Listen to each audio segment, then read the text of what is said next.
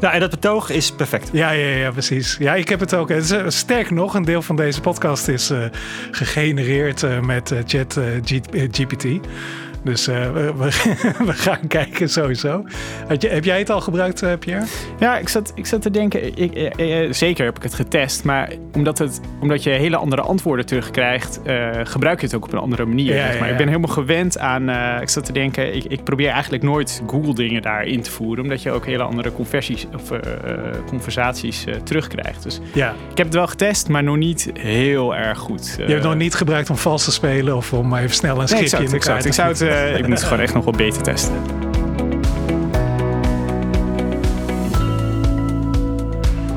Hallo en welkom bij de Next S-Curve. Een serie over positieve voortgang en innovatie. Ik ben Peet Snekers en hier hebben we ook mijn medegastheer Pierre de Wit. Hallo Pierre. Hoi. En vandaag hebben we ook een gast aan tafel, Paul de Leer. Hij is partner Financial Services Industries bij Ereneos. Dag Beet. En hij is door zijn carrière ook veel betrokken met innovatieve projecten. En samen werken we aan innovatievraagstukken die we industry challenges noemen. Dat zijn strategische vraagstukken die vaak leiden tot de volgende S-curve van een organisatie. Dus denk aan vraagstukken over hoe duurzaamheid en slimme steden een belangrijke rol spelen voor de toekomst van woningcorporaties en gemeenten. bijvoorbeeld leefbaarheid en duurzaamheid. Maar ook hoe het slim en ethisch toepassen van data en innovatie de zorg kan transformeren. En vraagstukken die leiden naar het vinden van een nieuwe manier van doneren voor goede doelen. In deze aflevering zullen we die term de S-curve of de S-curve afpellen met wat stellingen. En daarom hebben we Paul uitgenodigd. Als je tijdens het luisteren trouwens denkt, goh, hier wil ik meer van weten, check dan onze show notes op de website. En dat is eraneos.com schuine streep the next S-curve. En dat is allemaal aan elkaar, kleine lettertjes. Laten we beginnen met de eerste stelling. Iedere organisatie moet nadenken over hun volgende S-curve. Oh, maar misschien moeten we het eerst hebben over wat de volgende S-curve nou precies is. Paul, uh, misschien uh, kan jij een beginnetje maken? Dat is denk ik een goede vraag om mee te beginnen, Peter. Wat, wat is een S-curve? Um, ja, voor mij zit dat heel erg op, een, uh, op het gebied van dat technologie steeds meer kan en steeds goedkoper wordt. en daardoor beter toegepast kan worden. Aha. En dat is eigenlijk een inherente feature van technologie. Dus als je kijkt naar technologie over de jaren heen, is dat continu wordt dat goedkoper en kan het meer. Nou, doordat het goedkoper wordt en meer kan, kan je dus als bedrijf, als mens, als organisatie, als samenleving, kan je dus hele andere dingen ineens gaan doen, omdat het ineens beschikbaar is. Ha. En als er dus meer genoeg van die technologieën bij elkaar komen, Ja. Dan krijg je een soort krijg je het, het inflectiepunt, het punt waarop alles gaat veranderen. En dan wordt eigenlijk alles wat daarvoor gebeurde, wordt irrelevant. Uh, want die nieuwe technologie is zoveel beter. En er zijn heel veel leuke voorbeelden, denk ik, in de, uh, te vinden. Uh, nou, hele recente voorbeelden naar hele oude voorbeelden. ChatGPT vind ik een. Nou, dat, heeft, dat lijkt erop dat het iets gaat worden. En, Ja, en ja. nu, hè? Ja. We nemen even een heel oud voorbeeld. Eh, echt een van de oudste, meest bekende, denk ik. Eh, paarden versus auto's. Ik begin even echt heel Oeh. oud, expres. expres. Want Ja. even, in, even een paard. eh, weet je, eh, als je kijkt naar de hoeveelheid kilometers die werden afgelegd door mensen op een paard versus in een auto. In 1900 was dat nog, nou, 9, 95% was paard. Maar 20 jaar later was 80 tot 90% was auto Ja. vergelijking versus paard. En eh, dat is, dat is een, een, en dat ter tijde is dat er ook Wereldoorlog 1 was, dat er eh, grote depressie was, dat er Ja. eh, heel de auto-industrie nog niet bestond, dat er nog geen olie-industrie bestond, dat er nog geen wegen waren. Is dat toch in no time is er, was er genoeg technologie bij elkaar gekomen om dat voor elkaar te krijgen. Ja. Nou, een heel recent voorbeeld. eh, iedereen kent het Kodak-moment. eh, Netflix, die eh, de media-dingen. Er zijn genoeg voorbeelden om aan te halen, denk ik. Die wat, misschien wat meer tot de verbeelding spreken. Maar het gaat me echt om die... Wat is een S-curve? Is er is technologie beschikbaar Ja. die eigenlijk het oude irrelevant maakt. Ha. Dus, maar dat klinkt heel erg als een technische aangelegenheid. Is dat altijd zo? Of, of zeg maar... Het gaat juist om de adoptie van die technologie Ja, ja. in de dingen die je kan doen. Ha. Interessant. eh, Dus eh, eh, ik, ik heb natuurlijk heb ik onze, onze, eigenlijk onze vierde gast, Chat GPT, heb ik natuurlijk ook gevraagd. En die zegt: De S-curve is een term die vaak wordt gebruikt om in de context van innovatie en technologieadaptatie. Hè? Dus nou, dat klinkt uh, dat je op het goede spoor bent, uh, Paul. Gelukkig.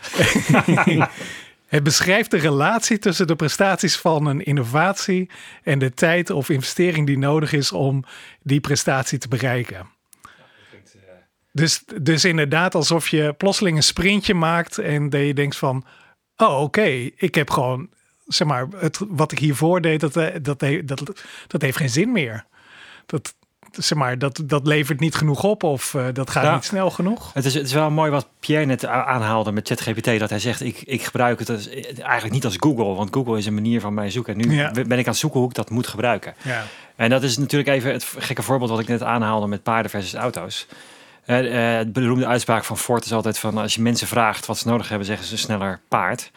Maar een auto kan iets heel anders dan paarden. Ja. Uh, en dat doordat het ineens de, doordat je ineens veel meer kan, uh, de, de, de opportunity space wordt ineens zoveel groter. Mensen, mensen voelen ineens van hey, ik kan hier echt andere dingen mee doen. Uh, wordt het ineens helemaal omarmd. En dat is denk ik met ChatGPT staat, staan we ook op zo'n punt van kantelpunt. Een kantelpunt van je, je het is geen zoekmachine. Het is iets wat je echt fundamenteel je werk je gaat, gaat veranderen. Het gaat fundamenteel hoe je dingen doet veranderen. Ja. Ja, en, wellicht dat er ook een heleboel industrieën waar je dan hè, voorheen gebruik van maakt of iets dergelijks, dat die dan ook zullen verdwijnen. Ik, ik weet de, van de verhalen van paarden. Ja, daar zeiden ze dat het echt super onhandige dieren waren eigenlijk. Hè? Maar het, waren of het, was, het was een super onhandige oplossing op vervoer, maar het was de enige oplossing die er was. Hè, want uh, bijvoorbeeld paarden gaan dood. En uh, in New York uh, het, uh, lagen dus gewoon overal op straat lagen er allemaal paarden. En omdat het super onhandig is om die, het zijn hele zware dieren, die kan je niet zomaar even weghalen. Dus ze deden gewoon net zo lang tot die paarden flink vergaan waren. En dan werden ze weggeveegd, zeg maar. Maar dat betekent dus dat je hele, dus letterlijk dat de hele straat ruikt naar rottende dieren. Eh, om maar te zwijgen van de mest. Echt de enorme hoeveelheden mest, zeg maar, die die dieren dan ook veroorzaken. Dus dat betekent dat er met de introductie van auto's niet alleen gladere wegen moeten komen, dus er komen nieuwe jobs, maar er komen ook een heleboel, heleboel jobs die verdwijnen. Hè? Dus uh, het wegvegen van de poep gaat weg, het verwerken van, uh, van kadavers gaat weg. Uh, misschien nog een heleboel andere dingen. Is dat gezond in, in onze. Is, is dat een gezonde beweging? Laat ik het zo zeggen. Dus als je als bedrijf met zo'n volgende S-curve bezig bent door een technologie, is het dan handig om daar direct helemaal op in te duiken zonder de gevolgen mogelijk te overzien? Maar ik denk, ik denk dat uh, sowieso dat heel veel mensen, hè, als je, als je zo'n grote verandering aanstaande is, dat een heel groot gedeelte het e- eigenlijk nog niet ziet. Ik denk dat heel veel mensen iets hebben van ja, maar dat paard, dat, hè, daar, ben ik bekend mee, uh, dat is vertrouwd, uh, het is ook, ook goedkoper in het begin vooral. Ja. Uh, dus dus zo'n verandering, ehm, ja, de, de, vooral die, die, die eerste fase waarin zoiets, uh, nog voordat het tot het omkantelpunt komt, dat, dat vind ik een hele interessante fase. Daar moet je in verkennen van, ja. uh, wat levert het nou op? Heel vaak is dat het moment waarop eigenlijk nog dingen heel erg uh, onveilig zijn, misgaan. Zeker als je het hebt over het voorbeeld van die paarden, die auto's, die waren natuurlijk levensgevaarlijk. Uh, stinkend en duur. Maar goed, het was wel iets wat op een gegeven moment steeds verder ontwikkelde. En op een gegeven moment ga je naar een dominante zijn. Hè? Een auto moet drie wielen hebben. Uh, of vier. Uh, maar die eerste, die lijken nog heel erg op die koets. Ik vind dat, ja. ja. Ik wil nog één dingetje op aanvullen. Want vaak zie je dus inderdaad in de uh, S-curve zit, gebeurt in een bepaalde industrie en dat is dan disruptief op die industrie. En dat gebeurt vaak door, door outsiders op die industrie. en dan, eh, ik heb die paar, ik heb natuurlijk ter voorbereiding heb ik even wat dingen opgezocht, maar en toen ben ik ook achter een quote gevonden van de president van de Michigan Savings Bank. Nou, ik weet niet wie precies die meneer is, niet zo relevant, maar die zei in 1903 dat auto's niet relevant waren. Het was een novelty effect, want je hoeft niet te investeren in auto's. En dan denk je, nou, dat is natuurlijk dom en uh, dat is toch heel logisch. Maar in 2010 zei de CEO van Times Warner, uh, Jeffrey Balkens, zei dat Netflix niet relevant was voor de mediabedrijven. Uh, het is, ja, ja, hij zei letterlijk van, it's a little bit like the Albanian army taking over the world. It's not gonna happen. Dus. Dus het is juist die. Dus, dit, dus ik denk dat wat waar Pierre op doelt ook. Ik vind dat ook echt heel tof. Dat je dus dingen ziet gebeuren. En, en dat, dat, dat, dat er dus echt iets heel anders kan gebeuren. Maar daarbij beantwoorden volgens mij nog niet helemaal jouw vraag, uh, Peet. jij, jij, jij, jij begon een ethisch dilemma. Ja, je voor ja, ik dacht, ik gooi, ik gooi gelijk een ethisch dilemma voor jullie voeten. Want ja, wordt het, uh, zo'n adaptatie kan natuurlijk ook onge, uh, wordt het gevolgen hebben die je niet voorziet. Hè? Dus inderdaad, jij noemt het over een disruptieve, uh, effect van uh, als een industrie een S-curve volgt. Hè, dus voor één bedrijf zal dat niet altijd het geval zijn. Hoewel we, uh, ja, er zijn inderdaad zoals Netflix. Nou, die was toch wel echt een van de eerste en ook langdurende overwinnaars van de digitale streaming, um, of de, ja, de filmstreaming industrie. Inclusief vette investering ook. En die investering ging echt niet meer naar Time Warner of naar Blockbuster. In de, en wat is het? In Nederland was het uh, film. Wat is het? Filmland, geloof ik? Of iets dergelijks. Nou, ze zijn dus, zijn dus omgeturnd. Hè? Dus ja. Eh, Time Warner is eigenaar onder andere van de HBO. Die, die heeft nu HBO hm. Max. Die zijn ook naar streaming. Die zijn helemaal totaal ja. veranderd. En de impact is natuurlijk enorm. Als je ziet hoeveel awards winnen. wat was dus Time Warner? Waren ze op tijd? Nee, ze waren te laat. Maar, maar ze, ze, ze, hebben zo'n wel... Kijk, dat is een beetje volgens mij de vraag van hoe disruptief is het... Uh, kan je je bedrijf hoe veranderen? Is het? Ja. Hoe kansrijk is het? En heb je nog genoeg tijd om het te veranderen? Er zijn natuurlijk voorbeelden. Blockbuster is een voorbeeld die het niet heeft gered. Uh, Kodak is gelijk ten onder gegaan. Uh, maar GE, recent, heeft 70% marktaandeel verloren in de in, in de waarde verloren. Uh, terwijl zij toch, en dat vooral omdat zij eigenlijk totaal zonne-energie en windenergie totaal gemist hebben. Ja. Terwijl ze er toch in deden. Maar ze hebben dat niet, niet genoeg gezien. Dus uh, ja. Ja, dat is de, ja, precies. Ja. Dus de vraag is, en je, je noemde net natuurlijk een aantal mensen die zeiden van, nou, dat wordt helemaal niks. Uh, dat zijn, als je mij wat is de geschiedenis, uh, wordt het, is, er, is de hele geschiedenis vol met dat soort mensen die het juist helemaal wel of te vroeg of te laat zagen. Um, Zeker. Maar ja, wordt het, ik, ik ben vooral heel erg benieuwd. En wellicht dat de luisteraar dat dan ook heeft. Zo van, ja, maar dat is allemaal leuk, maar dat waren industrieën waar dat dan, hè, waar, waar die technologische bijeenkomsten, al die technologie of die uh, misschien zelfs infrastructurele zaken in orde kwamen. Hè, dus denk aan bandbreedte of iets dergelijks. Uh, dus dat overkom je een beetje, zo lijkt het. Dus dat is zo van, oh, plotseling zie je dat er de mogelijkheid is en dan is er de S-curve. Maar, en dit is misschien wel goed om toch nog eventjes aan te stippen. Hè? Als je dan kijkt naar die tekening van de next S-curve. Dus dan heb je eigenlijk, ja, dan heb je zo'n kronkeltje. En dat is dus, eigenlijk is het een diagram waarin je bezig bent met het neerzetten van je eigen business. En op een gegeven moment, eh, eerst eh, lukt dat allemaal nog niet zo heel erg of gaat het niet zo heel snel. En op een gegeven moment heb je alles zo goed voor elkaar. Denk aan optimalisaties en zo. Dat je als een raket uh, zeg maar, aan het groeien bent. Alleen er is een einde aan die groei. En die, hè, dan krijg je een periode na die enorme groei, dat je gaat plateau. Hè? Dus dat, alle op, eh, dat, je eigenlijk niet verder kan optimaliseren. Of dat er weinig andere extra nieuwe technologische innovaties zijn die jouw businessmodel nog verder kan ondersteunen. En dat is het moment om na te gaan denken over de next S-curve. Tenminste, zo heb, ik het, eh, zo heb ik het begrepen, toch? Ja, dat is wel de theorie. ik weet niet of ik het er helemaal mee eens ben. Want ja, ik, ik denk, uh, kijk, als je op het moment uh, ermee bezig gaat zijn, op het moment dat je curve als het ware afvlakt, volgens mij ben je dan eigenlijk al te laat. En moet je constant bezig zijn met toch wel verkennen en uh, in elk geval de voelsprieten open hebben van, van wat speelt er. wat Paul net zei is van, heel vaak zie je dat er vanuit een industrie eigenlijk een, een disruptor van buiten komt. Ja. Dus uh, een, een, een, Nokia had bijvoorbeeld de, de, de, de mobiele telefoon, hè, de smartphone. was een start-up geloof ik, die, die hadden ze gemeld. Ze hebben dat ding gewoon echt in de boord, hebben ze dat op tafel gehad, ernaar gekeken. En uh, nou ja, uh, nee, dat zien we niet gebeuren. En uiteindelijk komt dan een iPhone. Dus ik denk dat je. Even, en, dan, en dan een iPhone komt van een bedrijf dat nog nooit een telefoon heeft gemaakt. Ook dat. Ja. Dus niemand nam het serieus. Ook dat. Ook dat. Ja. Maar ik denk dus eigenlijk dat, dat die curve, uh, ik bedoel, ik geloof wel dat, dat op een gegeven moment een bepaald model of een, een concept aan uh, dienstverlening, zeg maar, dat dat afvlakt en dat je op zoek moet gaan naar het volgende. Maar volgens mij moet je voelspriet in elk geval, ja, moet eigenlijk altijd wel openstaan om dit soort dingen te ontdekken en in elk geval te ah. verkennen. Dus die moet je, je hè, dus wat je zegt is eigenlijk tijdens dat het lekker gaat met je bedrijf en dat je nog misschien flink aan het groeien bent, moet je de faciliteit om verder te kijken, om te verkennen van wat is nou hè, morgen relevant. Dat moet je eigenlijk continu doen. Absoluut. Ja, ja. Paul, eens? Ja, maar er zit een, iets van twijfel zit daarin. Ja, ja, ja. Vertel. Nee, even de, ik denk dat het voor heel veel organisaties en bedrijven die producten dan wel diensten leveren aan uh, organisaties, aan mensen, aan eindgebruikers, dat het helemaal waar is. Ja. Dat je daar continu mee bezig moet zijn. Ik denk dat het heel moeilijk is om ook al heb je voelsprieten aanstaan om daarop te kunnen anticiperen. Hè, dat is het.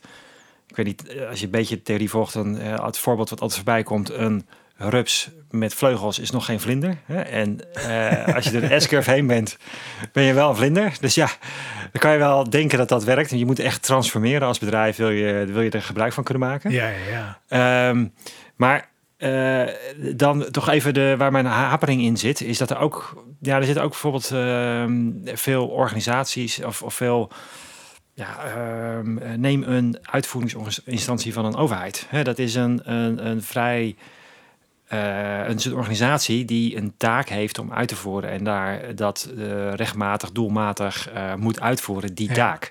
En ja, dan is technologie super belangrijk voor hun om die taak beter uit kunnen voeren. Dus ze moeten continu nadenken over hoe kunnen ze dan innoveren. Ja. Maar is het dan voor hun echt een S-curve? Is het dan echt een totale vernieuwing?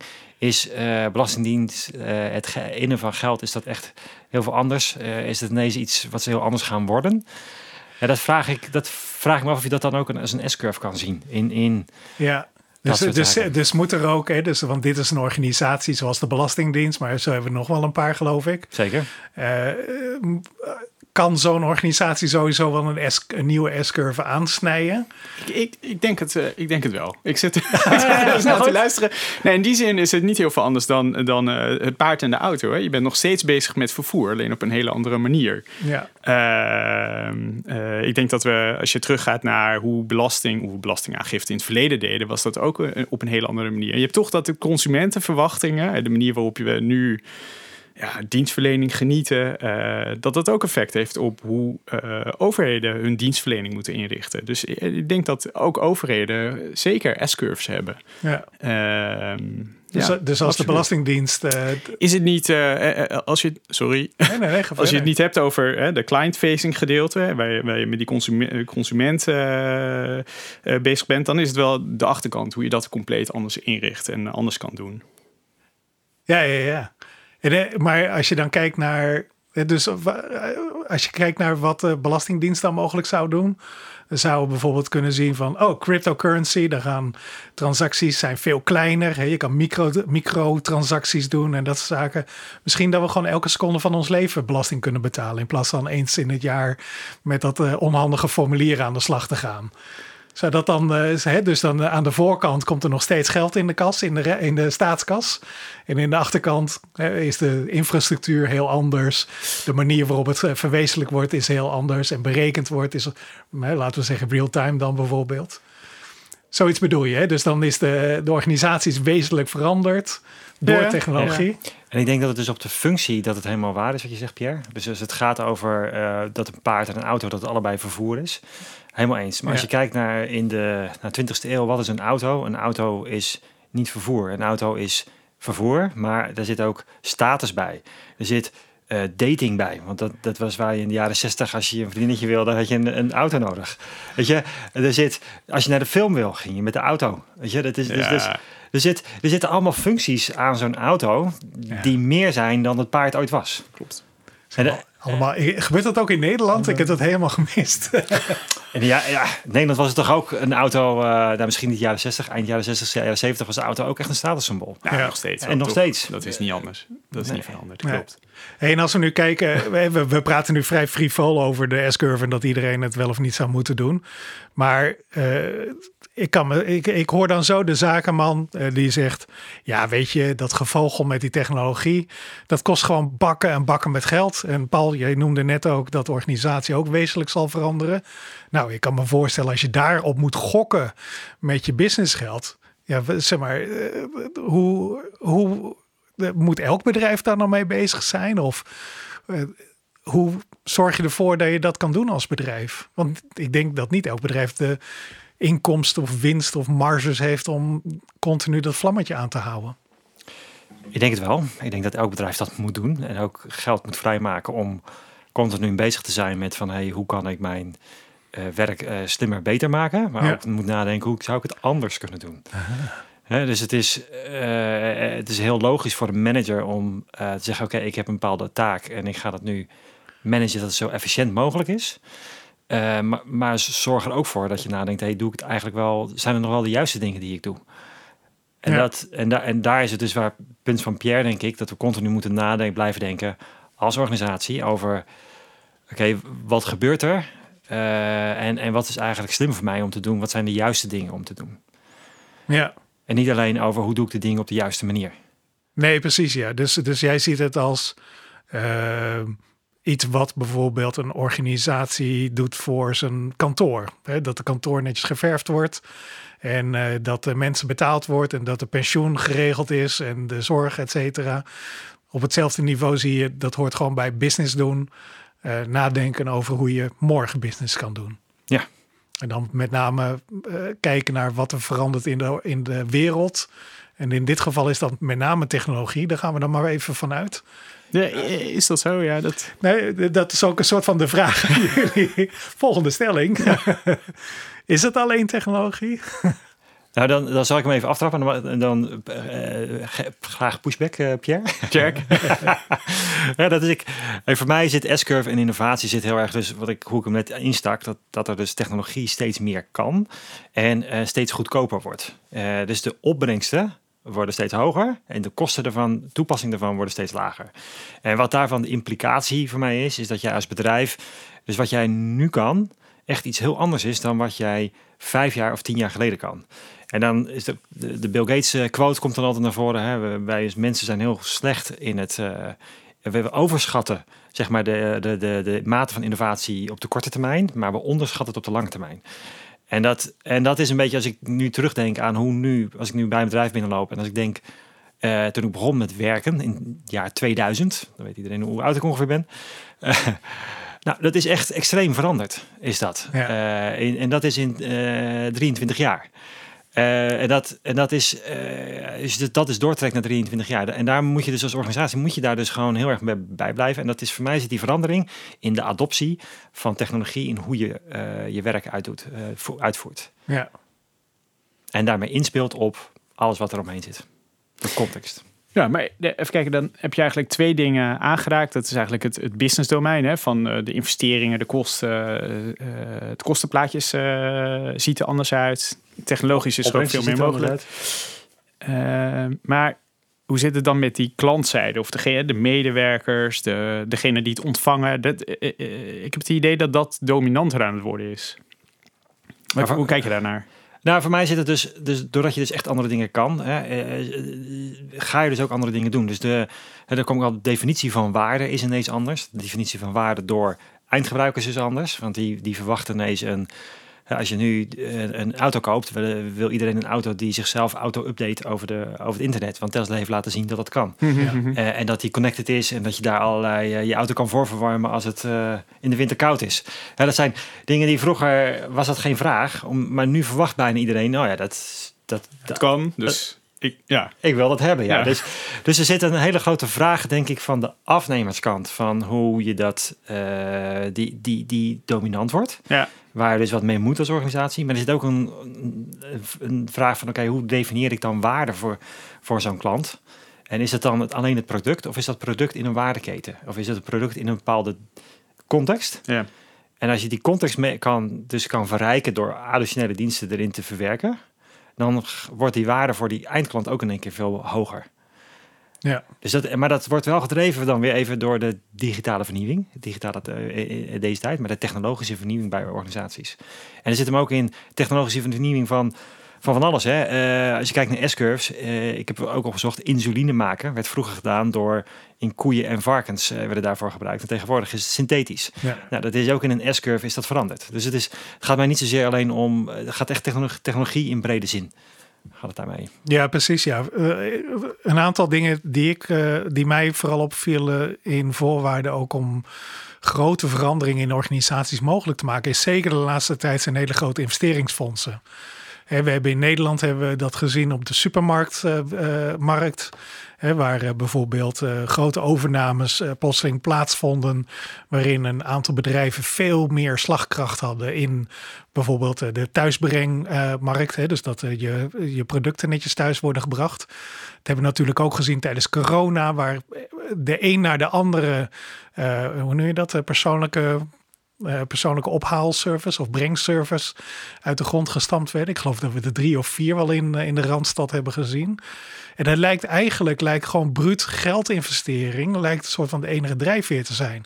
Voor de rest is er relatief weinig nieuws onder de zon. dus, eh, want het zijn gewoon apps die ergens een just-in-time systeem voeren. En ja, het, het enige wat echt wezenlijk veranderd is, is dat er plotseling uh, allerlei hippe fietsertjes rond, uh, rondreden. Zeg maar, is, is het alleen techniek? zeg maar. Nee, het is de adoptie van techniek om bepaalde dingen voor elkaar te krijgen. Ja. Ik probeer, die, ik probeer een beetje te breken. Het, is, het, het is niet alleen adoptie van techniek. Het gaat, uh, wat, je, wat je nu beschrijft is eigenlijk... het gaat om de totale dienstverlening die je, die je samenstelt. En het gaat om de adoptie van die dienstverlening. Nee, het is inderdaad door, door de adoptie van techniek... wordt er een heel nieuw scala van mogelijkheden zijn erbij. Ja, precies. En, en, dat is een beetje mijn punt van uh, paard versus auto. Ja. je kan ineens goederen vervoeren... omdat je een vrachtwagen kan bouwen. Nou, en, en goederen op een paard, dan, dan is een huifkar, gaat heel langzaam. Met een vrachtwagen kan je ineens veel zwaardere, veel grotere dingen vervoeren. En veel sneller. Weet je, dus, en, en daarmee ga je andere dingen doen.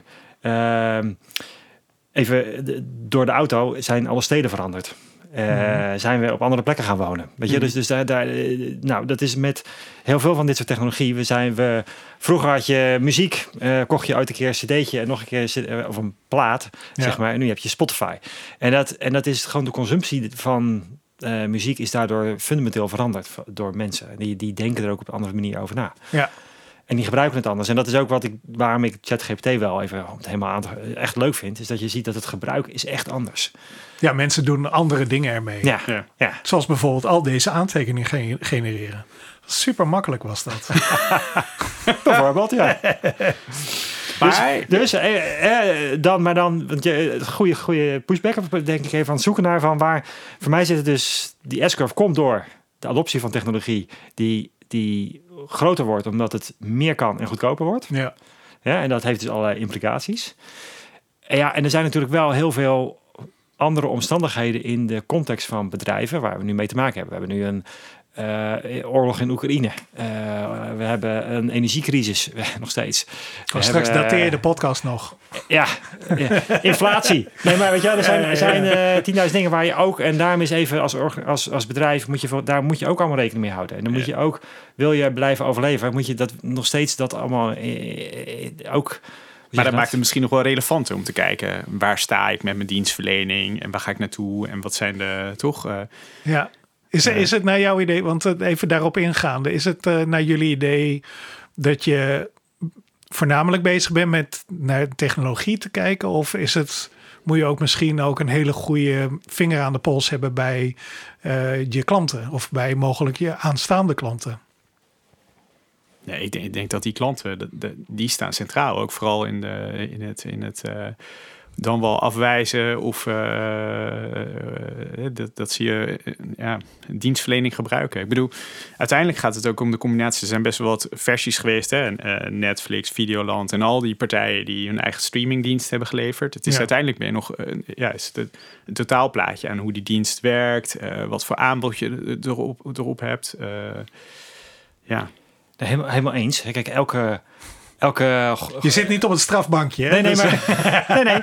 maar even, voor mij is ook elke, elke businessbeslissing, hè, elke beslissing die je neemt als bedrijf, waar je denkt, hey, ik heb een product of dienst, die wil ik eh, op de markt zetten doen, is een gok op hoe mensen zich gaan gedragen. Ja. Dus als jij, en, en die gok wil je eh, gefundeerd en onderbouwd nemen, en, en, en anders heeft het geen zin. ja, Mijn, precies. mijn punt is alleen voor die S-curve, is dat er op een gegeven moment deze technologie komt er beschikbaar, ja. waarmee je nieuwe dingen kan doen, waarvan de mensen eigenlijk nog niet weten de- wat, wat ermee is. Eh, Ah, Steve Jobs zei, mensen hoef je niet te vragen naar een telefoon, want dat, dat hadden ze nooit kunnen eh, voorspellen. ja.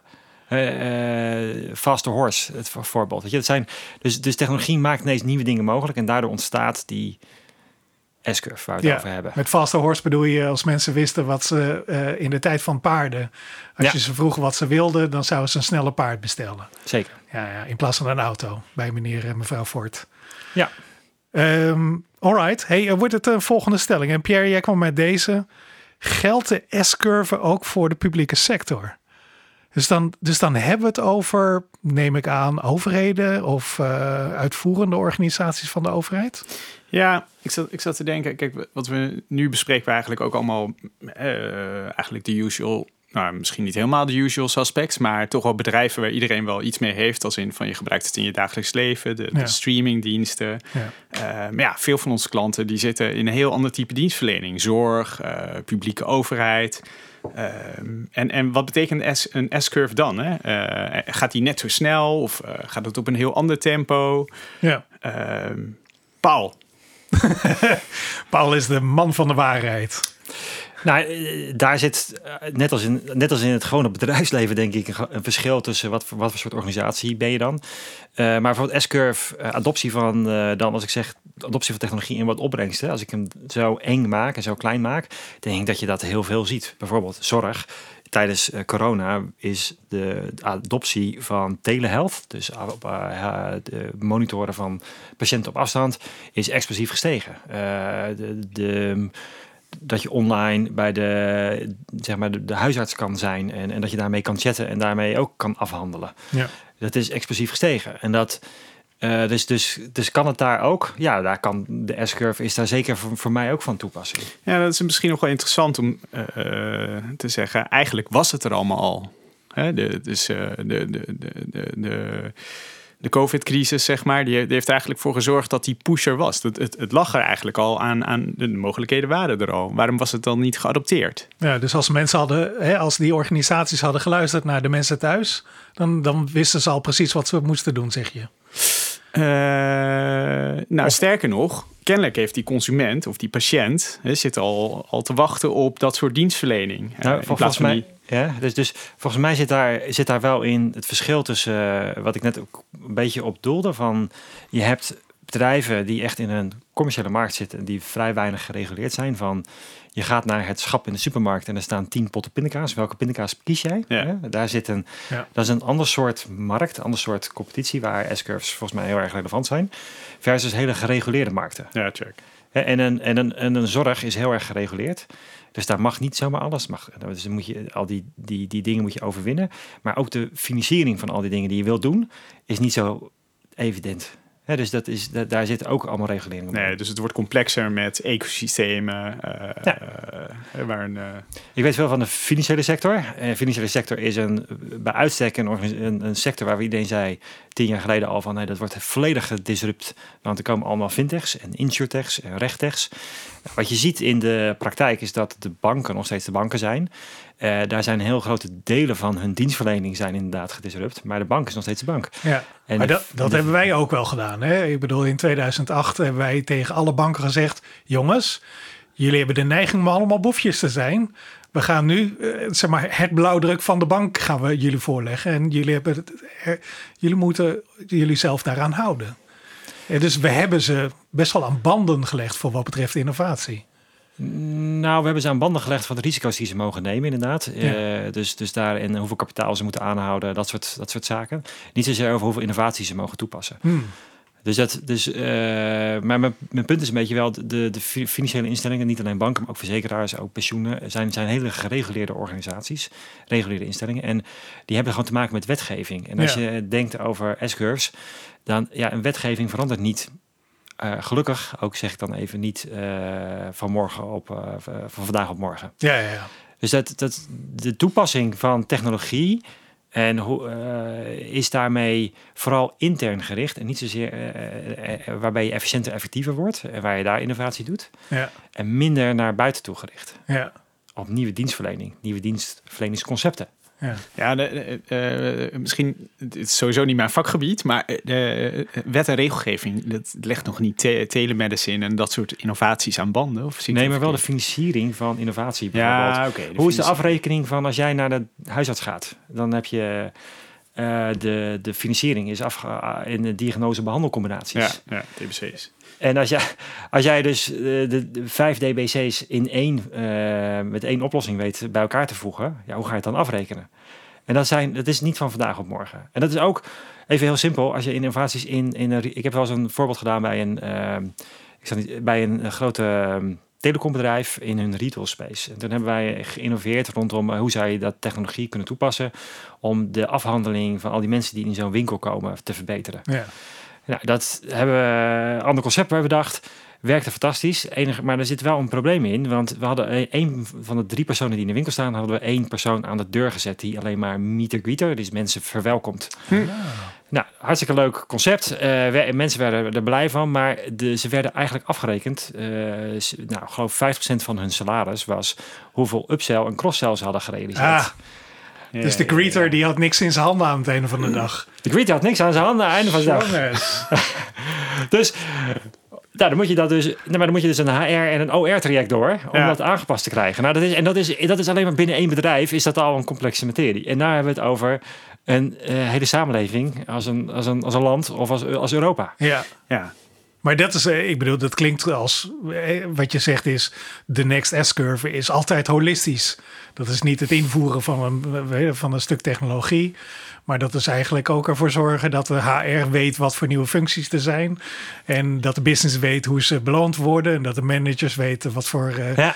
uh, wat voor richtgetallen uh, ze hebben. Of er nou daarom, KPI's daarom, zijn of iets anders. Daarom is het, het, het, een beetje een eenvoudige voorbeeld. Maar wel dat ik zeg, een, een rups met vleugels is geen vlinder. Hè? Je moet als organisatie moet je echt veranderen, wil je er echt gebruik van maken. En dan gaat het over alles in jouw organisatie. Ja, maar en ook dat soort elementen moet je dus meenemen in het, ex, in het experimenteren en verkennen. Uh, Zeker. Uh, niet pas op het laatst. Uh, ja. Als je dienst eigenlijk al soort van ontworpen is, zo willen we het gaan inrichten. En dat je er dan achter komt dat je je businessmodel eigenlijk niet, of de interne verrekening, zeg maar. Dus je moet ook kijken naar uh, financiering. Ja, precies. Ja. Hoe het, jij, want jij hebt best wel ervaring ook in organisaties waarin je dat soort experimenten doet. Zeg maar, wat, is, wat, uh, wat, wat hoor jij terug van, ons, van onze klanten onder andere over uh, hoe ze die experimenten vinden? Is dat dan zo van, ja jongens, dit is het, hier gaan we dik mee aan de, aan de slag. Dit is onze volgende S-curve. Uh, niet altijd. nee, wij hebben te maken met de klant waar ik mee werk. Die zijn heel vaak toch wel ja, heel erg innovatie gedreven. En dat zijn mensen met visie. Maar wat je merkt is dat niet in de, iedereen in de organisatie zo denkt en meekijkt. Dus dat is nog een heel proces om... Uh, één, we richten dat in uh, maar wel tegen een organisatie aan dat je die experimenteerruimte kan creëren. Ja. En dan heb je gewoon ook lef en visie nodig. En dat moet je, ja, dat moet je uitdragen. En, en uiteindelijk gaat het erom is dat je ook een stukje organisatie meekrijgt in hoe ga je nou die toekomst inrichten uh, als je dat aan het, uh, ja, als je aan het experimenteren bent. Ja. Uh, maar dat gaat niet zonder slag of stoot. Dat is echt wel, ja, ik weet niet, je moet mensen ook intern verleiden om, uh, om mee te gaan in de propositie. En, uh, en het helpt gewoon om dan ja, elke keer proof points te laten zien. Um, en dat gaat met woord en stoot. Hè? Het, is, ja. het is eigenlijk, ja, wat je wil doen is iets inrichten waarin je versneld leert. Um, verkent van wat is er nou mogelijk technisch, maar ook ja, hoe ziet die klant, hoe, hoe ziet die in elkaar? Uh, is dit nog wel de manier waarop we deze klant moeten bedienen en hoe gaan we dit als organisatie inrichten? Dat, ja, dat zijn allemaal dingen die. Uh... Ja, ja. Dus als ik het zo hoor, dan is het soort van fitnessprogramma die het complete bedrijf of de complete organisatie moet volgen. Ja, dus overal, hè, dus in principe zou, de, zou het ook mogelijk kunnen zijn dat HR zegt, hè, de, hoge, de, de Human Resource afdeling, dat zij zeggen: jongens, we willen nieuwe functies. Wat zijn de nieuwe functies voor de komende jaar? Ja, of anders, uh, want er is bijna geen organisatie die uh, medewer geen medewerkers zoekt. Hè, is hoe kunnen we daar nou voor zorgen dat we, dat we echt een leuk bedrijf worden om te werken? Waar, ja. hè, dat mensen voor ons willen werken. En er zijn echt wel bedrijven die dat heel goed in de smiezen hebben en dat goed inrichten. Ja. Maar die zijn daar dan inderdaad heel holistisch mee bezig. Ah. Ik denk, en, en, maar even holistisch en leuk bedrijf, ja. Ik denk ook dat het echt gaat om wat, Peter, wat jij net zegt. Dat je nadenkt over, hey, wat voor functies heb ik nou naar de toekomst nodig? Ja. En welke functies heb ik nou niet meer nodig eigenlijk? Ja. En dat je daar dus ook uh, begrijpt hoe die, wat die verandering met jou als organisatie doet en hoe je daar dan op in kan spelen naar de toekomst toe. Wat zijn de stappen die je nu al kan nemen om daar te komen? Dus dat, dat ja. is, ja, dat is, dus voor mij is het echt, echt, totaal geen vraag van moet ik hiermee bezig zijn? Nee, tuurlijk moet je ermee bezig zijn. Elk bedrijf moet ermee bezig zijn. Ja, maar in hoeverre is dan de vraag? Hè? En, en, en, uh, en, en met welke focus? Ja, hey, dan uh, even een laatste stelling hoor. Want we, we hebben natuurlijk af en toe hebben we het ook over klanten die, die wij zelf ook tegenkomen. Nou, zeker als we dan uh, semi-overheden of sterk gereguleerde organisaties tegenkomen. Dan zien we dat zij niet dat voor elkaar hebben. He, dus die, dat ze niet een lopend fitnessprogramma hebben over uh, de volgende S-curve vinden of niet de faciliteit hebben om die experimenten te doen. Uh, wat, wat, zou, we, wat zou je die bedrijven of die organisaties mee willen geven? Hoe, hoe, maken ze de eerste stap?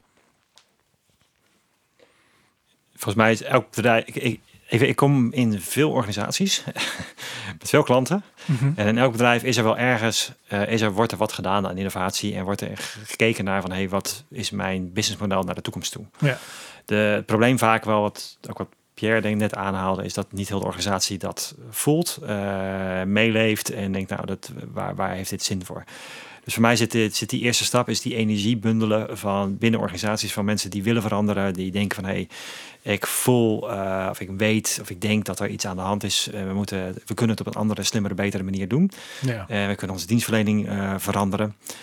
Nou, die energie moet je proberen te gebruiken om na te denken over waar wil ik heen. En wat, wat zouden mogelijke scenario's kunnen zijn waar ik in de toekomst mee te maken krijg. Ja.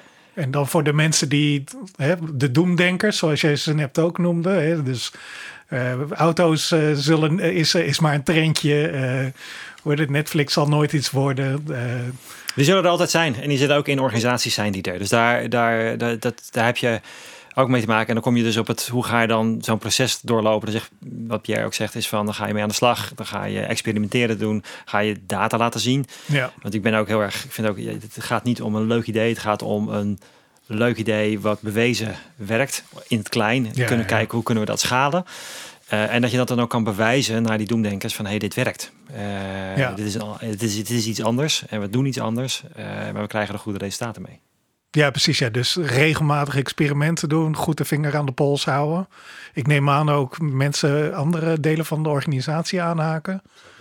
Ja, ik denk dat communicatie daar heel belangrijk in is. Eh, eh, ja, zeker. Ja. Zijn er, zijn er voorbeelden waarvan jullie denken van, oh ja, dat heb ik meegemaakt en dat vond ik echt, dat vond ik een typische uitvinding. Dus het, het, het typische scenario van nu hebben we een volgende S-curve gevonden.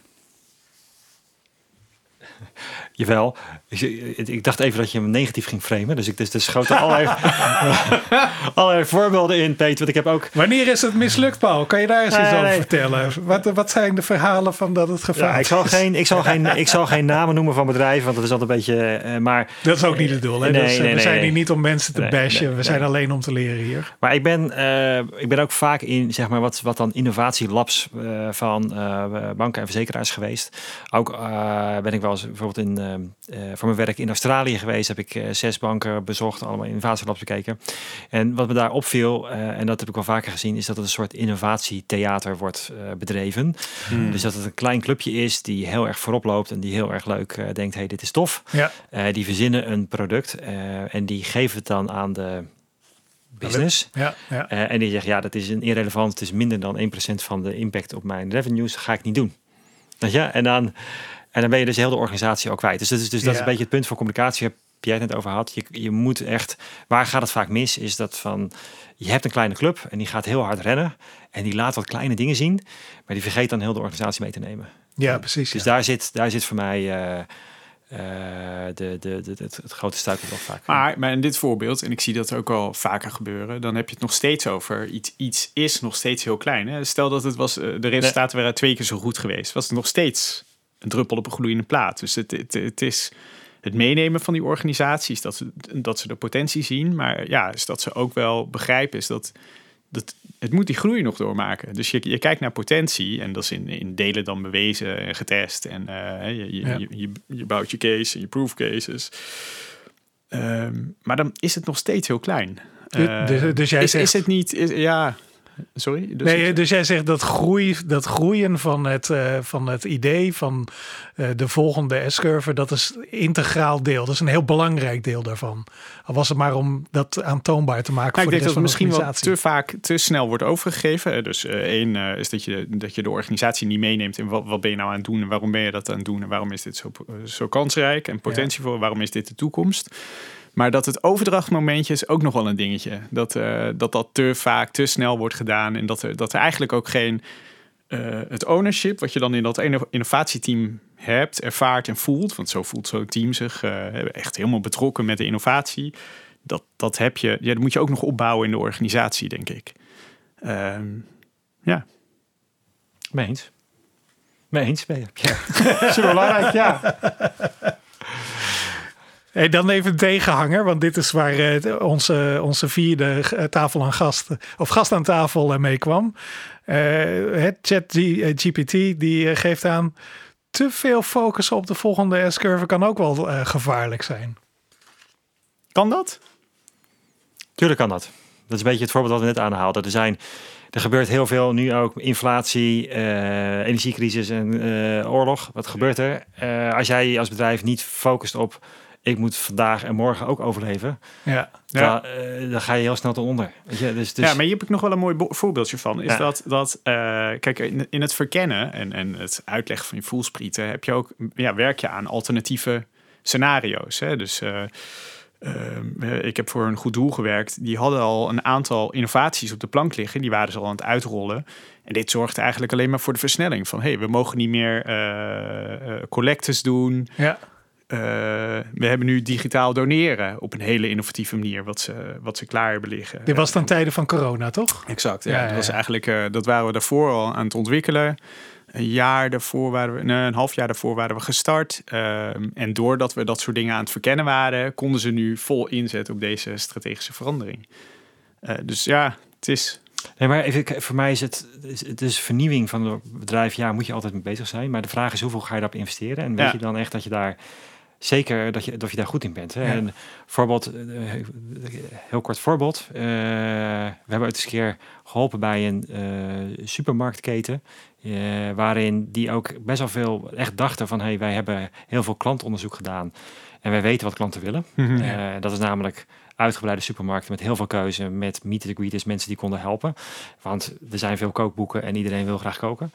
Maar 80% van het verkeer in de supermarkt is mensen die s'avonds na het werk binnenkomen, nog snel iets willen hebben om op tafel te hebben binnen het uur, ja. omdat iedereen weer uitvliegt voor sport. Nou, dus, dus uh, als jij, en die waren, die waren echt op het punt dat ze zeggen van hey, we gaan heel miljoenen investeren om onze winkels aan te passen, nou, dat, het zo, dat er zoveel keuze is. Ja. Maar dat, dat staat helemaal niet aan. Dus de, omdat, het, omdat hun, hun 80% omzet dan in één keer terugvalt. Dus daarom zeg ik van, uh, als je innoveert en, en, doet, ja, moet je doen. Je moet wel heel goed weten wat je, snap, snap ja. de data die daaruit komt. Ja. Uh, voordat je daar heel grote investeringen in doet. Maar dat is ook het mooie van uh, dat uh, diagram. Als, we, als je hem voor je ziet, dan zie je dat je begint aan je volgende S-curve terwijl je nog aan het plateau bent. Dus als je mij vraagt, moet dat goed komen. Hè? Dus als je dat tijdig begint en inderdaad niet zeg maar, alle bruggen verbrand achter je terwijl je aan het innoveren bent, dan, uh, dan moet het wel goed komen.